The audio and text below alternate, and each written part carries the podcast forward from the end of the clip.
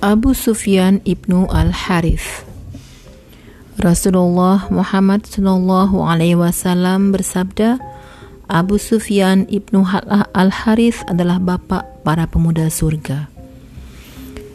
Jarang sekali hubungan yang teramat kuat antara dua orang seperti yang terjadi antara Muhammad ibnu Abdullah dengan Abu Sufyan ibnu Al-Harith. Abu Sufyan sebaya dengan Muhammad, lahir hampir bersamaan, dan keduanya terpelihara di dalam satu keluarga. Dia adalah putra paman Rasulullah. Ayahnya Al-Harith adalah saudara seayah dengan Abdullah ayahanda Rasul. Selain itu, Abu Sufyan dan Muhammad juga merupakan saudara sepersusuan. Keduanya sama-sama menyusu kepada Halimah As-Sa'diyah. Sebelum nubuah, mereka berdua adalah sahabat yang sangat akrab. Wajah Abu Sufyan pun mirip dengan Rasulullah. Pernahkah Anda mendengar ada sanak kerabat yang terikat begitu erat seperti Muhammad ibnu Abdullah dan Abu Sufyan ibnu Al-Harith ini? Oleh karena itu, tentu Anda menyangka bahwa Abu Sufyan termasuk orang yang paling cepat menerima dan mengikuti dakwah Rasulullah. Tetapi masalahnya tidak seperti yang diduga. Begitu Rasulullah berdakwah kepada keluarganya, langsung tumbuh api kebencian dalam dada Abu Sufyan. Persahabatan yang dulu begitu manis kini menjadi permusuhan. Kekeluargaan yang dulu demikian erat kini terputus.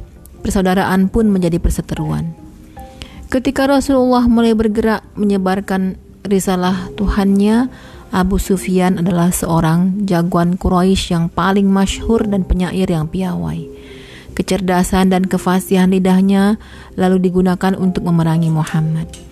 Disatukannya kemampuannya segenap disatukannya segenap kemampuannya untuk menghancurkan Islam dan para pemeluknya. Tak ada perang antara Quraisy dan Muhammad kecuali dia yang menyulutnya. Tak ada aniaya atas muslimin kecuali dia dalangnya. Abu Sufyan benar-benar dikuasai oleh setan. Dilepaskannya lidahnya untuk memberondong sepupunya itu dengan kata-kata yang keji dan menyakitkan. Permusuhannya teramat panjang, hampir 20 tahun. Tak pernah dia menyia-nyiakan kesempatan untuk menghantam Rasulullah. Tak pernah dia merasa bosan mencari cara-cara baru untuk menganiaya muslimin.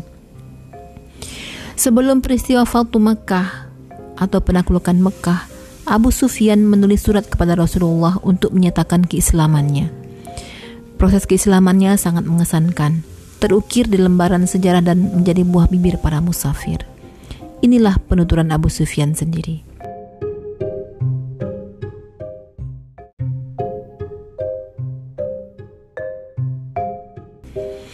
Setelah keberadaan Islam kokoh dan beritanya telah tersebar ke mana-mana, Rasulullah bergerak untuk membebaskan Mekah. Saat itu aku merasa dunia ini makin sempit saja. Berbagai pertanyaan berputar-putar di dalam benak. Ke mana aku harus pergi? Siapa kawanku kini? Dengan siapa aku jadinya? Aku menemui istri dan anak-anakku. Kukatakan kepada mereka, segera bersiaplah untuk keluar dari Mekah. Muhammad sudah hampir tiba dan aku pasti dibunuh kalau sampai tertawan oleh mereka. Tetapi mereka menjawab, belum juga sadarkah engkau ini? Lihatlah, seluruh bangsa Arab dan bangsa-bangsa lain telah tunduk kepada Muhammad lalu mengikuti agamanya, sementara engkau masih saja bandel memusuhinya. Padahal seharusnya engkaulah orang pertama yang mendukung dan membelanya. Mereka terus merayuku agar mau masuk ke dalam agama Muhammad. Lama-kelamaan aku pun luluh. Allah membukakan hatiku sehingga bisa menerima Islam. Aku berkata kepada budakku Matkur, siapkan unta dan kudaku. Dengan membawa seorang putraku yang bernama Ja'far, aku pergi menu menuju Abwa, suatu tempat di antara Mekah dan Madinah.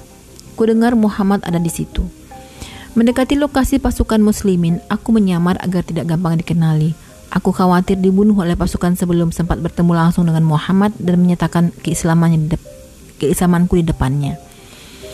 Pasukan muslimin bergerak kelompok demi kelompok menuju Mekah.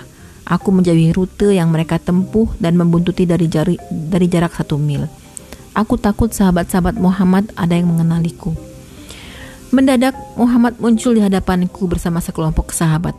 Segera ku hadang dia dan kubuka kedok wajahku. Namun, dia langsung memalingkan muka dan mempercepat langkah. Walaupun berulang kali ku kejar, dia tetap tak menggubrisku.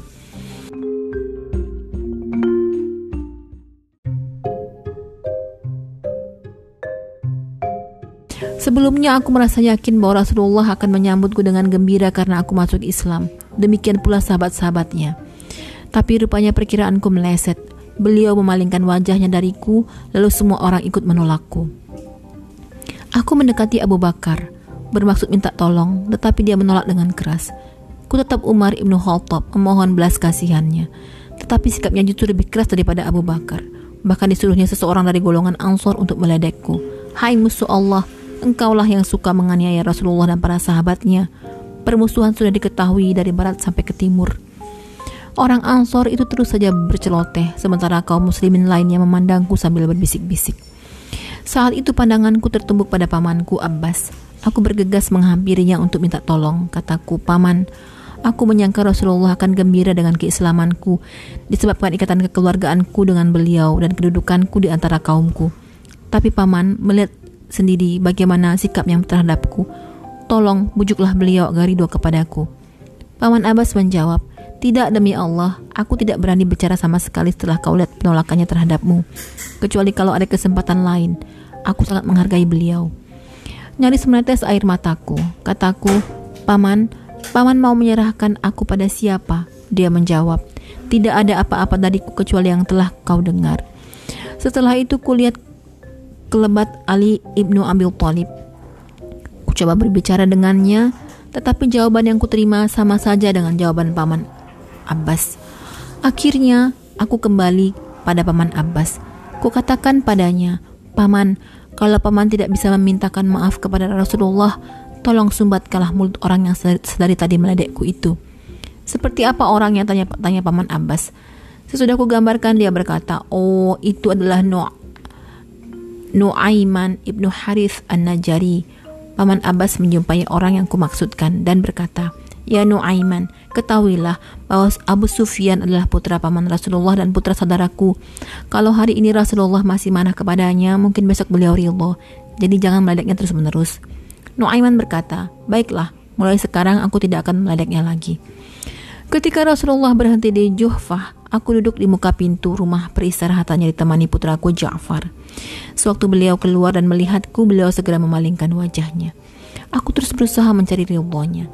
Setiap kali beliau berhenti di sebuah rumah, aku selalu menunggu di depan pintunya. Tapi sejauh ini tetap saja beliau memalingkan wajahnya setiap melihatku. Akhirnya aku merasa putus asa. Ku katakan kepada istriku, demi Allah, kalau Rasulullah tidak ridho kepadaku, akan kubawa putraku ini berjalan tak tentu arah di tengah Sahara sampai kami mati kelaparan dan kehausan. Berita ini rupanya sampai di telinga Rasulullah dan berhasil melunakkan beliau. Ketika keluar dari markas pasukan, beliau memandangku dengan sorot mata yang jauh lebih lembut. Sekarang yang kuharapkan adalah senyumannya. Rasulullah memasuki Mekah, aku ikut di dalam rombongannya. Beliau keluar menuju masjid, aku pun keluar mengikutinya. Pokoknya aku tak ingin meninggalkan beliau sesaat pun. Hari perang Hunain tiba, bangsa Arab bersatu padu untuk memerangi Rasulullah. Tak pernah mereka bersatu sedemikian rupa sebelumnya. Mereka tampaknya ingin menjadikan perang ini sebagai pukulan terakhir terhadap Islam dan Muslimin. Rasulullah turut berperang di tengah-tengah sahabat-sahabatnya, dan aku tak ketinggalan di belakangnya. Melihat pusat pasukan musuh yang begitu besar, aku bertekad, demi Allah, aku akan menembus segala permusuhan yang pernah kulakukan terhadap Rasulullah. Sekarang akan kutunjukkan perbuatanku yang terbaik demi ridho Allah dan Rasulnya. Perang berkecamuk, tekanan musuh semakin keras, Barisan muslimin mulai goyah dan pasukan tercerai-berai meninggalkan Rasulullah. Kami nyaris dikalahkan. Kulihat Rasulullah bergeming. Beliau tetap teguh di atas untanya.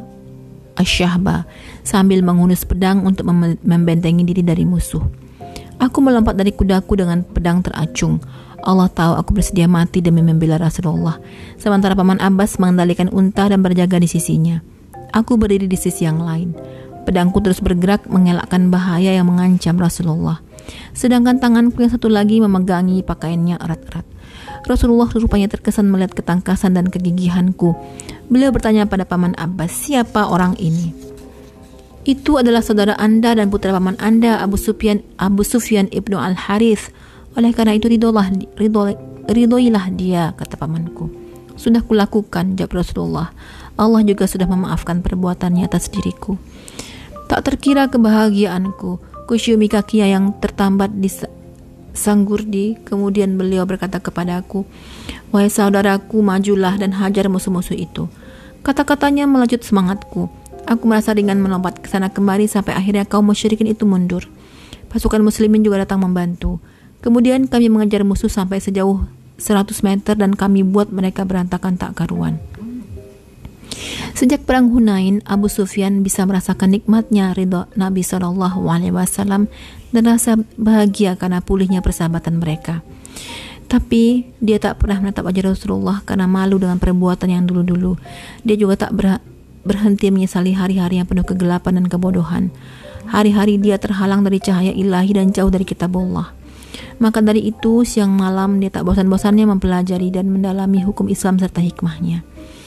Abu Sufyan telah menjauhi kemewahan dunia dan mendekat kepada Allah dengan sepenuh jiwanya. Suatu kali, Rasulullah melihatnya memasuki masjid. Beliau bertanya kepada Aisyah, "Wahai Aisyah, tahukah engkau siapa yang datang ke masjid itu?" "Tidak ya Rasulullah, itu adalah putra pamanku yaitu Abu Sufyan ibnu Hal Harith."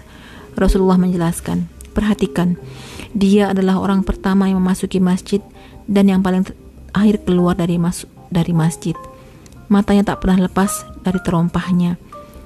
Maksudnya kalau berjalan selalu menunduk. Tatkala Rasulullah wafat, Abu Sufyan sangat sedih seperti seorang ibu yang ditinggal mati anaknya. Tangisnya adalah tangis seorang keluarga yang dikasih yang dikasih sayanginya. Diratapinya kepergian Rasulullah dengan qasidah yang menyayat hati dan memilukan. Pada masa khalifah Al-Faruq Umar ibnu Khattab, Abu Sufyan merasa ajalnya sudah dekat. Setelah tiga hari ternyata ajalnya benar-benar tiba, seolah-olah sudah ada perjanjian. Kepada anak istrinya dia berpesan, jangan tangisi aku. Demi Allah, aku tak pernah melakukan kesalahan sejak masuk Islam. Kemudian ruhnya yang bersih terbang. Umar ibnu Khattab dan para sahabat mendirikan sholat jenazah. Mereka sangat berduka dengan kepergian Abu Sufyan dan menganggap kematiannya sebagai kerugian besar bagi Islam dan Muslimin.